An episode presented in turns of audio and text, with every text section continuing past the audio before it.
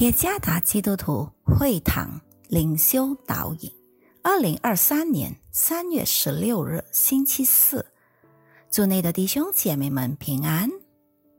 今天的灵修导引，我们将会借着圣经哥林多前书第九章十二节来思想今天的主题：是支持者而不是阻挡者。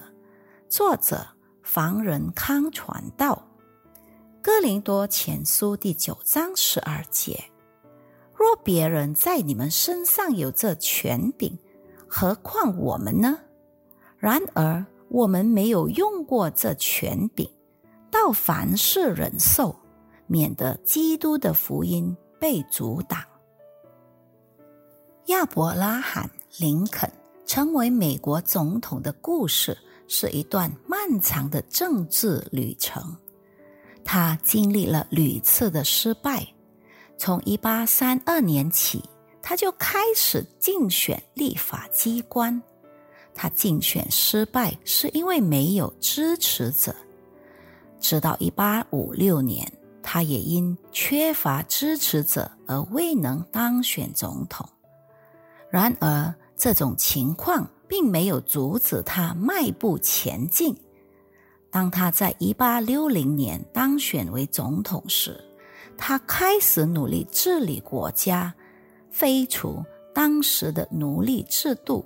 他证明了，即便缺乏支持者，坚持奋斗是无法被击败的。今天的灵修经文里，使徒保罗特别强调他曾许下的承诺，就是不会接受。信徒们任何的物质供应，其实作为一名使徒，他有权利获得该供应。然而，他更喜欢一边侍奉上帝，一边自己支搭帐篷养活自己。这是现实。当在哥林多城时，保罗和他的同工亚居拉和百基拉。他们本是制造帐篷为业，保罗因与他们同业，就和他们同住做工。参看《使徒行传》第十八章第三节。因此，他是自由的，不受工资的辖制，也不必服从他周围的人。他的自由只是为了使福音。更兴旺。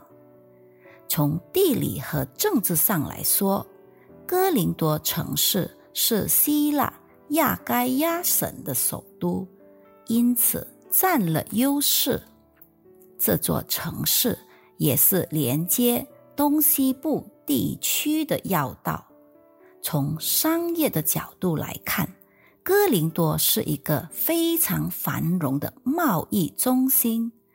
正是在这个城市，保罗在他第一次宣教旅程中结识了亚居拉、白基拉和基利斯布，借此许多人得着了基督的救恩。